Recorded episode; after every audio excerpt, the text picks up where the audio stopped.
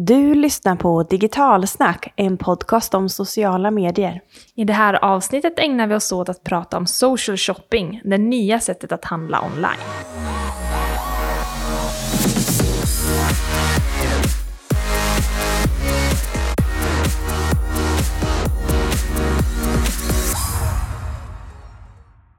Hej och varmt välkommen till Digitalsnack-podden. Det här är podden som snappar upp nya beteenden i sociala medier. Mm. När köpte du något från sociala medier senast?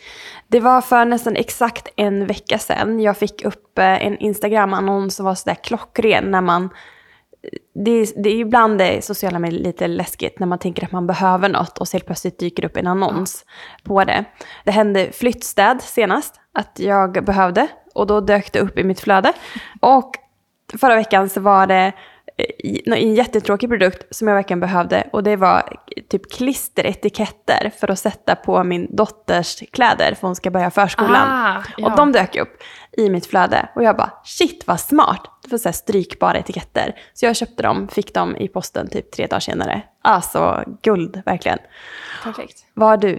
Är du en liksom Insta eller social shopper? Uh, oh ja, allra senast så köpte jag en bok, faktiskt en e-bok. Så inte en vanlig fysisk bok, utan en e-bok om um, kopplat till e-handel.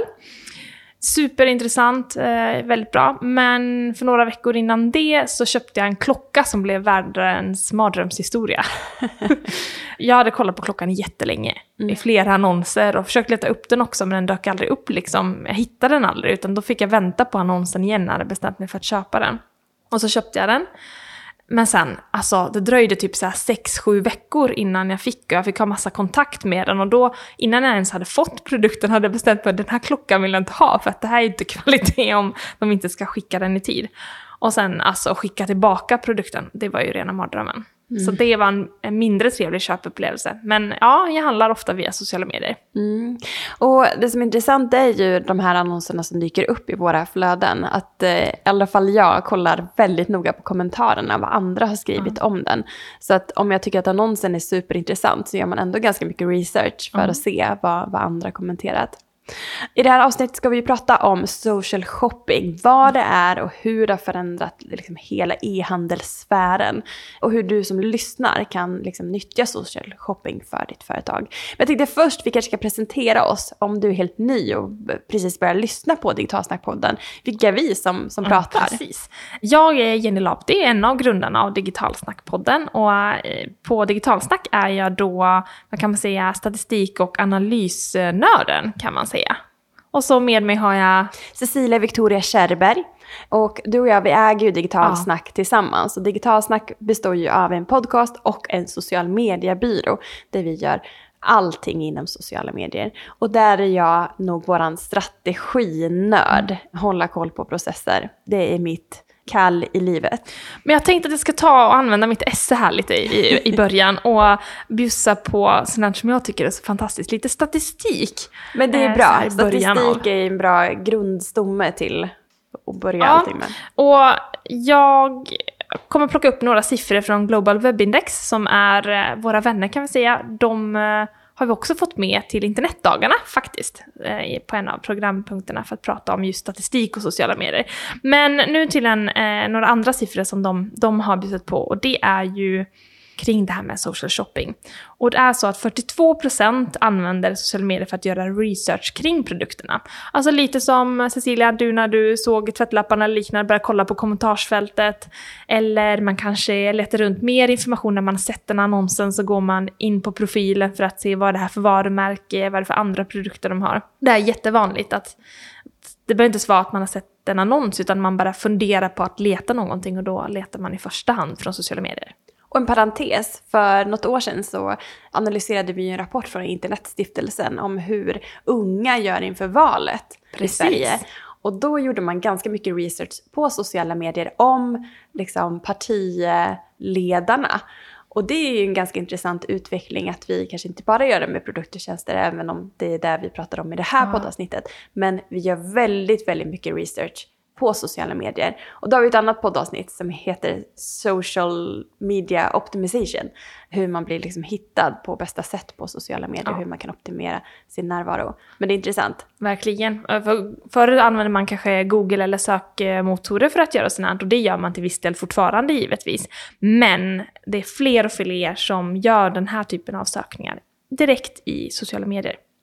Det är faktiskt så att man gör det till så stor grad att man nu för tiden det är fler som söker via sociala medier än Google. Och de här Global Web Index de följer flera, flera olika marknader. Men 15 av 45 marknader som de då trackar så har man då gått över den här magiska gränsen att det är fler som söker via sociala medier än via sökmotorer. Och det, mina vänner, är en game changer. Verkligen. Och nästa grej är att det är hela 24% som upptäcker nya varumärken via rekommendationer och kommentarer på sociala medier. Så det är helt, helt fantastiskt. De här eh, kommentarerna och rekommendationerna blir ju egentligen sånt som man förr kanske gjorde via word of mouth och berättade om saker. Men, men nu upptäcker vi det här via att våra vänner, våra familjemedlemmar och influencers och liknande kommenterar och liksom skriver om andra produkter och varumärken. Därför är det så viktigt att göra det här delbara innehållet som vi nästan tjatar om i varenda podd och blogg och vad det nu, vart vi nu är. Men delbart innehåll, det är så viktigt. Mm. Och sista nyckeltalet, det finns ju hur många som helst, men enda sista som jag tänkte plocka upp här är att 21%, det är ju lite över en femtedel, motiveras av att köpa produkter som har många likes och positiva kommentarer. Och det här spelar jättestor roll. Och, och igen, det var så klockrent att du gick på de här tvättlapparna kanske för att det just hade många positiva kommentarer och likes. Annars hade du kanske varit lite skeptisk till om det här var bra grejer överhuvudtaget. Och vi pratade ju om i förra podden det här liksom eh, eh vikten av en like. Vad behövs de ha eller inte? Och när vi tittar på den här statistiken så är det faktiskt att likes spelar fortfarande roll, även om man inte behöver mäta det. Men det är just det här kanske generella engagemanget kring men, positiva kommentarer i kombination med likes som är den magiska. Och det är en lite ny funktion på Instagram är ju att man nu kan liksom tagga upp eh, olika kommentarer så att man kan välja ut kommentarer och lägga dem överst. Så man kan rangordna nu sina kommentarer på Instagram. Det är en liten Och det här bra blir ju, funktion. ja, och det blir jätte, jättemycket viktigare också när Instagram också döljer de här eh, antalet likes. För då blir det ju svårare för användare att se ja, men vilka poster som faktiskt har, alltså hur många likes har de. Men då blir ju kommentarerna desto viktigare. Mm.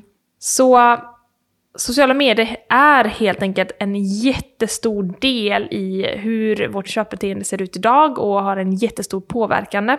Och visst finns det lite skillnader från generation till generation. För de som använder mer sociala medier och är mer vana med det här, det vill säga de yngre generationerna, de använder sociala medier också mer till att söka, att kolla på kommentarer och handla via sociala medier. Och när vi sen har de här lite äldre, de gör det lite mer traditionellt. Så som det alltid är när det är generationsskillnader. Men de här unga, den yngsta generationen, där är det superviktigt för dem att kunna ta del av just rekommendationer och ja, men tips från vänner, vad de eh, tycker skulle passa för hen. Det är också därför man ofta kanske skickar bild eh, på nya klädesplagg till sina vänner för att få en liten bekräftelse också på om man ska handla det här eller inte. Så allt det här, så här inspiration från influencers, vänner och ehm, eh, sin familj, det spelar jättestor roll för de yngre generationerna Mm. och har en stor påverkan i om de kommer köpa produkten eller inte. Mm, och sociala medier har ju blivit en så stor del i hela köpprocessen. Inte bara när vi är i sociala medier. Utan det påverkar också när vi exempelvis fysiska butiker. Det ser vi framförallt att generation Z, men även jag, när jag är ute och liksom provar kläder så kan jag ju skicka det till min mina vänner eller min man eller vad det nu kan vara. Och nu, eh, typ alla mina släktingar, när de ska köpa kläder till Iris till exempel, så snappar de mig tacksamt kan jag säga. För Vad så här, skönt, för då kan du få välja åtta lite tio ändå. gånger så säger jag absolut nej. Men då snappar de innan så här, är det här någonting? Och då kan jag säga ja eller nej. Så att sociala medier är ju en stor del av hela vår shoppingupplevelse, både online men också offline. Och det behöver man också ha i åtanke att allting är, liksom, ska vara social shoppable. Men vi har ju pratat om den här beteendeförändringen, men vad är då egentligen social shopping? Eller social shoppers, alltså personerna som utför det här. Det är ju då personer som köper saker eller tjänster eller vad det nu kan vara tack vare sociala medier. Alltså man antingen gör eh, öppet direkt i sociala medier eller så har det haft en väldigt stor roll i att man faktiskt bestämmer sig för att göra köpet. Och då kan man ju tycka kanske att alla är social shoppers, men äcke. Min mamma är ingen social shopper kan jag säga. Eh, hon, gör, hon, hon litar inte på någonting som kommer på sociala medier. Kanske att någon har sagt eller lagt upp en bild. Men hon är absolut ingen social shopper. Medan jag har blivit det mycket mer de senaste månaderna. Att jag gör nästan alla mina köp via bra annonser som jag får i mitt flöde. Eller rekommendationer från influencers som lägger upp så bra produkter så jag vet vad jag ska handla. Och det är väl lite det här som skiljer så vanliga shoppers mot social shoppers, att det finns lite skillnader. Det ena är ju att när man handlar i sociala medier så blir det ju mer som en personlig shop, alltså som är har utvalda produkter som, för vad som just passar för dig som person.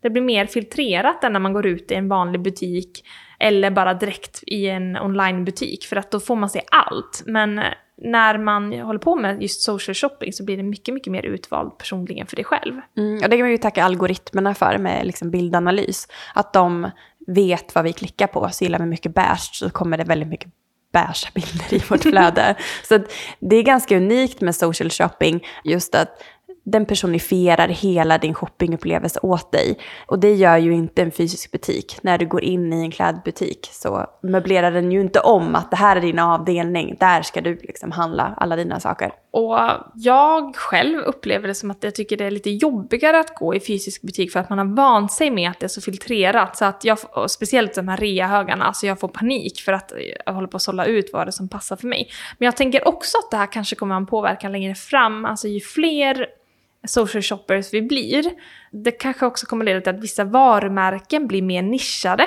Så att eh, butiker och eh, varumärken inte kommer vara lika breda, utan de måste nästan satsa på supernischat för att man ska också kunna anpassa till det här beteendet fysiskt. Mm. En panikbutik för mig är ju precis som du säger, typ H&M. När man går in där, jag känner ingen inspiration och jag blir rör i mitt huvud. För det är nästan så att min hjärna ställt om sig på just att se kläder i en e-handelsmiljö. Där de är, det är liksom fri bakgrund bakom, mm. jag kan filtrera på vilka färger jag vill ha. Och så ser jag det och på något vis så blir det mycket enklare för min hjärna att ta in vad jag är jag gillar och inte. Och i en butik så funkar inte det för mig. Och det är också så intressant. Vissa butiker är ju bättre på att mm. sortera ut enligt mm. färg och liksom stil och sånt. Då, då funkar det mer. Men jag, mm. jag håller helt med. Det kan mm. vara väldigt rörigt. Och det är det som är så intressant med hur snabbt vi ändrar vårt beteende. Mm. Man säger ju mellan tre till sex månader tar det. Och det är därför att väldigt mycket beteenden som vi har varit tvungna att tvingas in i under coronaperioden nu kommer att fortsätta. För att det har varit så lång tid sedan vi har utfört det. Och det, det är så spännande. Men det blir ett annat poddavsnitt. Ja. Sen har vi också blivit, alltså vi blir mycket mer impulsiva också i våra köpbeteenden. Just de här social shoppers. Alltså det, bara det går snabbt att genomföra processen så gör man det liksom på direkten. Man, eh, när man får feeling att köpa hem en produkt så bara klickar man hem den. Och ni har väl hört det här, det är så många som använder det. Passa på att klicka hem produkten idag. Och det är ju lite det man gör. Man bara får känsla och så är det typ tre klick ifrån och så har man den nästa dag i brevlådan. Mm. Och så eh, på något vis så har det ju varit sån, sån hype kring när en influencer lägger upp en produkt. Då säljer den slut liksom direkt. Det kan vara en, en vas bara och så är den helt tokslut. Mm. Och det är därför jag tror att väldigt många har det där snabba beteendet. Så fort det kommer upp och jag vill ha det så köper jag det nu. Och det här med influencers som du säger, det i kombination med de här personliga rekommendationerna man får av sina vänner. Så man kan på något sätt jämföra med gårdagens word of mouth marknadsföring. De två tillsammans skapar magi när det kommer till social shopping. Då har man en sån kraft att det bara, som du säger, ställer slut på några timmar.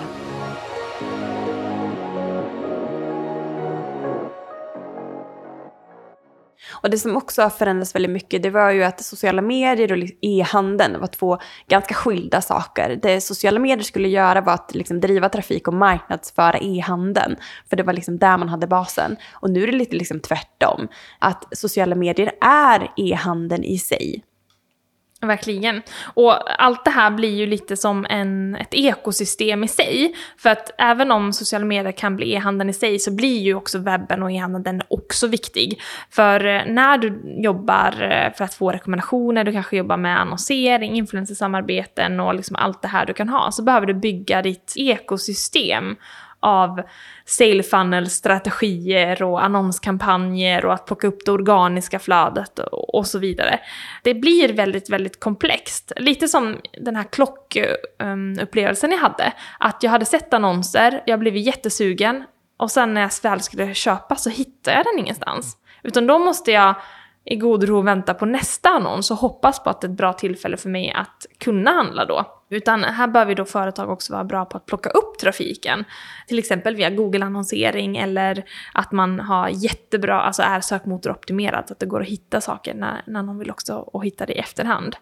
Och um, det gäller inte bara produkter och tjänster, det här har blivit liksom så mycket bredare för andra.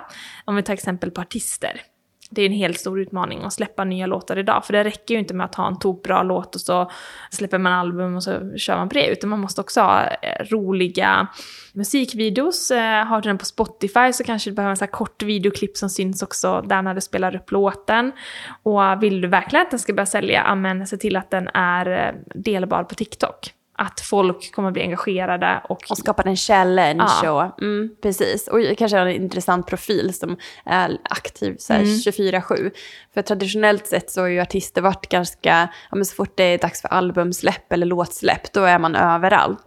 Medan det nya sättet att influera är ju 24-7 i sina kanaler. Så ett bra exempel på hur man måste eh, ändra om social shopping och bli mer social shoppable. Och det sociala medier har gjort är ju också kortat ner köpresan ganska mycket. Man har ju kanske så skickat runt folk och klickat in och du ska in där och sen ska du göra en ny korg. Och här är ju att social shopping blir ju att så få steg som möjligt så ska du ja, få hem produkten.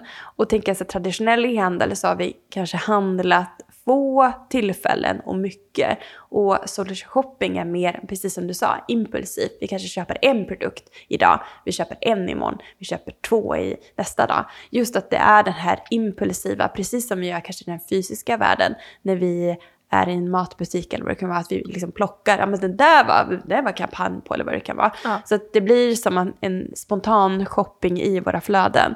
Och det är också en stor förändring. Och det ställer väldigt mycket utmaningar och krav till de som har e-handel idag. För att eh, många e-handlare lever också det här med leveranskostnader att kunna skicka produkterna och hitta en affärsmodell som fungerar med det här spontana beteendet är en utmaning. Men beteenden är jättesvåra att påverka till att det ska förändras till ens egen fördel. Utan man behöver verkligen leva med att de är som de är och um, se till att anpassa sin affär ut efter det. Mm. Men mycket som utvecklas nu i Instagram shopping handlar ju om att behålla personerna inom plattformen och inte skicka ut dem. Och det är helt, helt banbrytande när det kommer till just social shopping. För det är inte, ja, som du säger, det är inte många andra plattformar som jobbar med det här.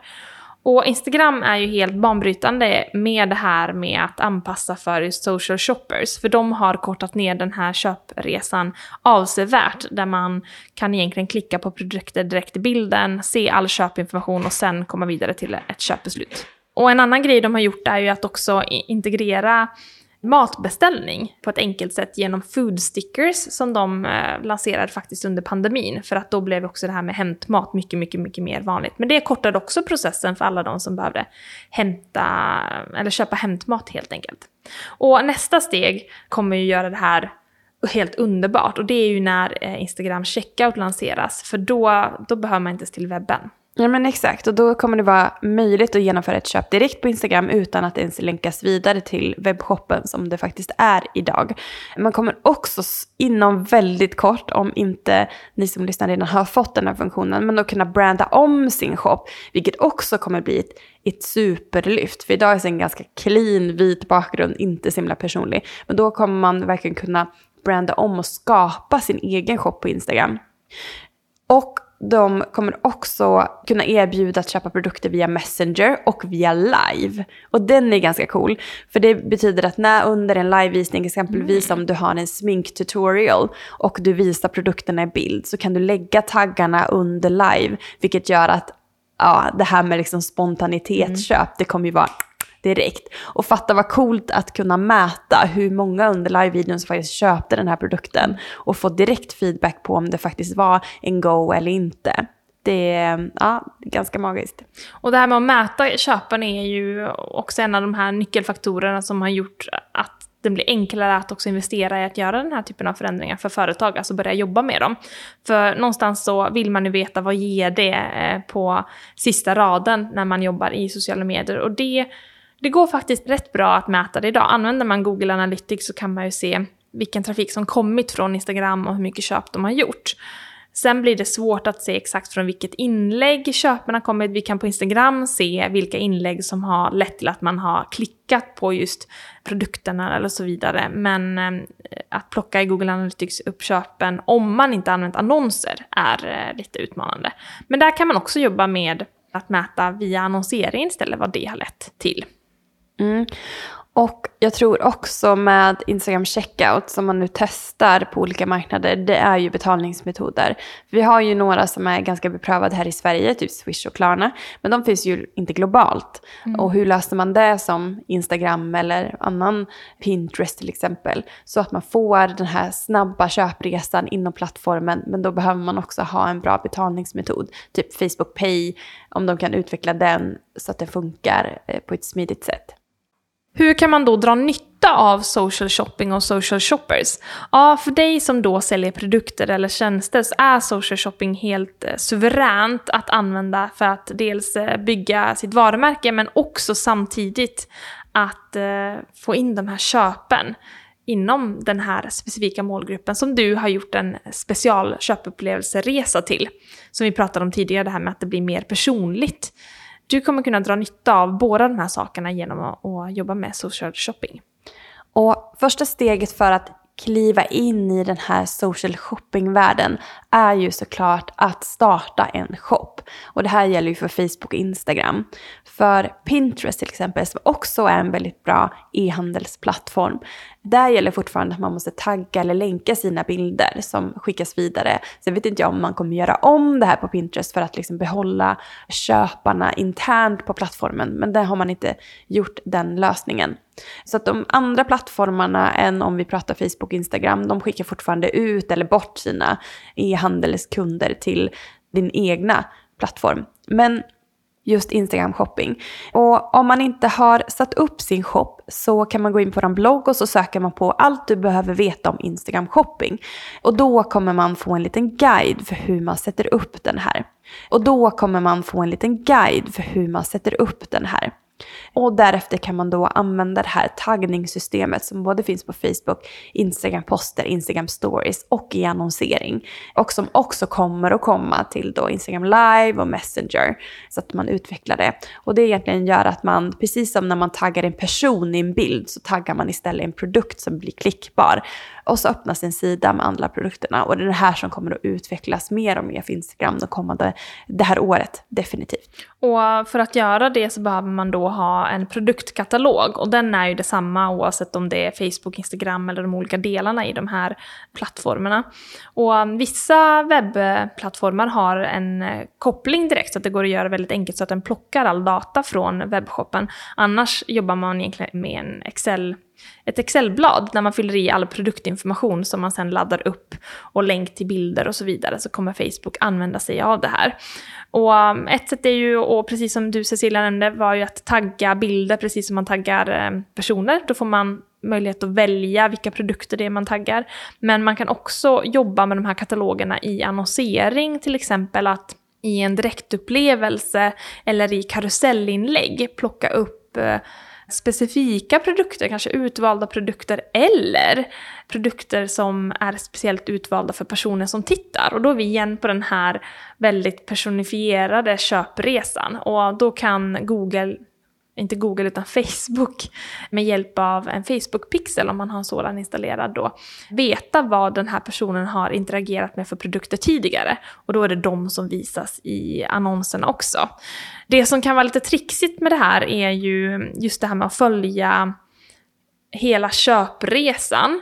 Då behöver man ha en pixel för att kunna plocka upp dem i till exempel Google Analytics. Men de här olika plattformarna har inte riktigt enats om vad som räknas som ett köp eller inte. De har olika attributionsfönster som det heter.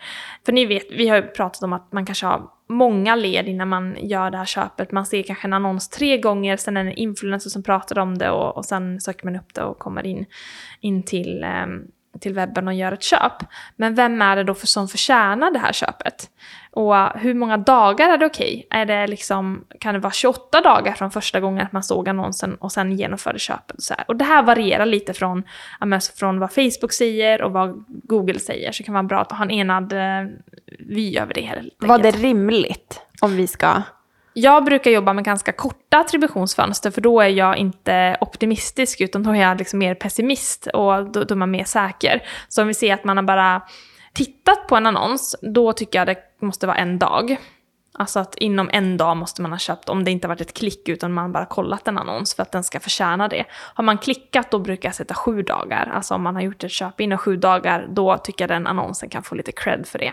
Mm. Och eh, är man nyfiken och liksom om pixlar, attributionsfönster och den lite mer djupare, djupgående delen av social shopping så får man absolut höra av sig till oss eller till jenny.digitalsnack.se för att höra mer om det. Något annat som man kan nyttja när det kommer till social shoppers är det här med rekommendationer. Och vi pratade om det innan podden, så här, vad menar du när du säger en rekommendation? Mm.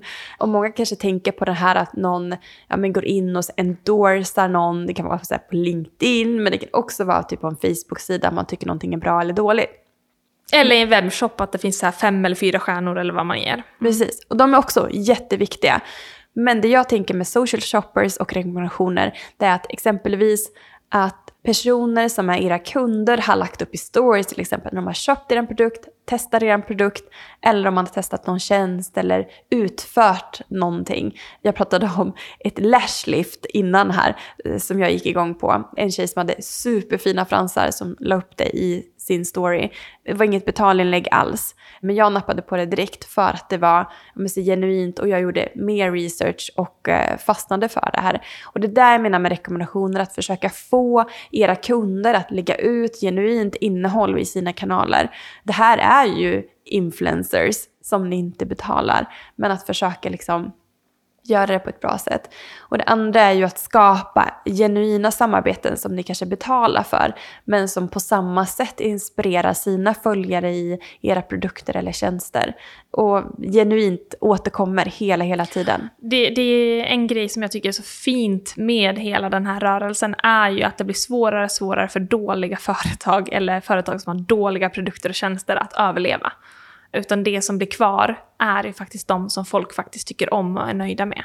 Det är helt, helt fantastiskt. Mm. Och det kommer ju till nästa egentligen tipspunkt, vad man be behöver göra eller för att liksom ah. jacka upp sitt social shopping. Och det är ju att skapa engagemang. För du kan faktiskt vara med och försöka påverka det här. Att få fler likes och kommentarer hjälper ju att höja upp dina produkter och ditt varumärke. Och någon grej som vi ofta gör är ju att om någon kommenterar så är vi där och, och svarar på kommentaren och ställer kanske motfrågor för då blir det ännu fler kommentarer i det inlägget. Så se till att eh, försöka få upp engagemang och en annan grej förutom den här lilla taktikgrejen är ju att ha generellt en bra strategi. Så att inläggen du publicerar är like och kommentarsvänliga. Och att du publicerar konsekvent. Det är ingen som gillar när det liksom dött jättelänge och sen är det maxat med inlägg. Utan Framförallt vara... algoritmen på Instagram. Precis. Så då är du liksom lite borträknad och sen ska du börja om på nytt. Och de älskar ju om du är någon som publicerar ofta. För att Instagram vill fylla sina flöden med innehåll och är du en sån som hjälper dem med det och publicerar regelbundet mycket innehåll så kommer det vara superbra. Och av en händelse behöver man massa fler tips på hur man skapar engagerande innehåll så är nästa poddavsnitt om det där vi berättar om olika strategier och olika inlägg som skapar just engagemang.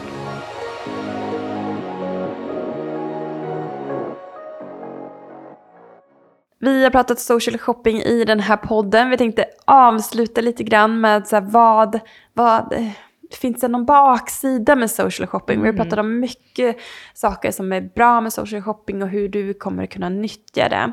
Och um, det som vi ser med social shopping det är ju att man förhåller sig till de reglerna som plattformen har. Vi är ju helt i händerna eller knät mm. på Instagram. Det är ju fler liksom affärer vi flyttar över till Instagram och de ändrar algoritmen, då kanske vi förlorar hela vår affär. Sen äger vi ju inte hela affären lika mycket heller eftersom eh, dels är det ju Instagram som har en del av affären och inte direkt i webben. Men jag tänker också på det här med att eh, det hänger på andras rekommendationer. Mm. Och eh, vad andra tycker om din produkt. Och sker det liksom trendförändringar i vad man tycker om eller, eller råkar man av misstag eller av typ någon typ av, ja, få negativ, eh, Eh, negativa rekommendationer. Så då, då kan det ha ganska stor negativ påverkan också. Mm. Men såklart, det stora och positiva är ju att fler kan ställa sina produkter och tjänster utan ett stort komplext e-handelsverktyg. Så man sitter heller inte i knät på en e-handelsleverantör som kan vara jättedyrt och en jättekrånglig process. Och att kunna korta ner köpresan så att man, det här attributionsfönstret som mm. vi pratade om, det kanske blir mycket kortare. För att man gör köp direkt på, man kan sälja där och då, man lägger upp produkten. Social shopping är här för att stanna. Vi har många olika beteendeförändringar som gör att företag, varumärken kan nå ut på ett jätte, jättebra och effektivt sätt på sociala medier.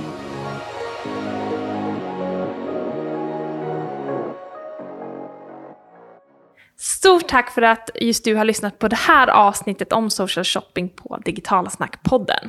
Och på Instagram och på LinkedIn så delar vi med oss av ännu mer tips och tricks och nyheter inom sociala medier. Så följ och häng med oss där. Tack och hej!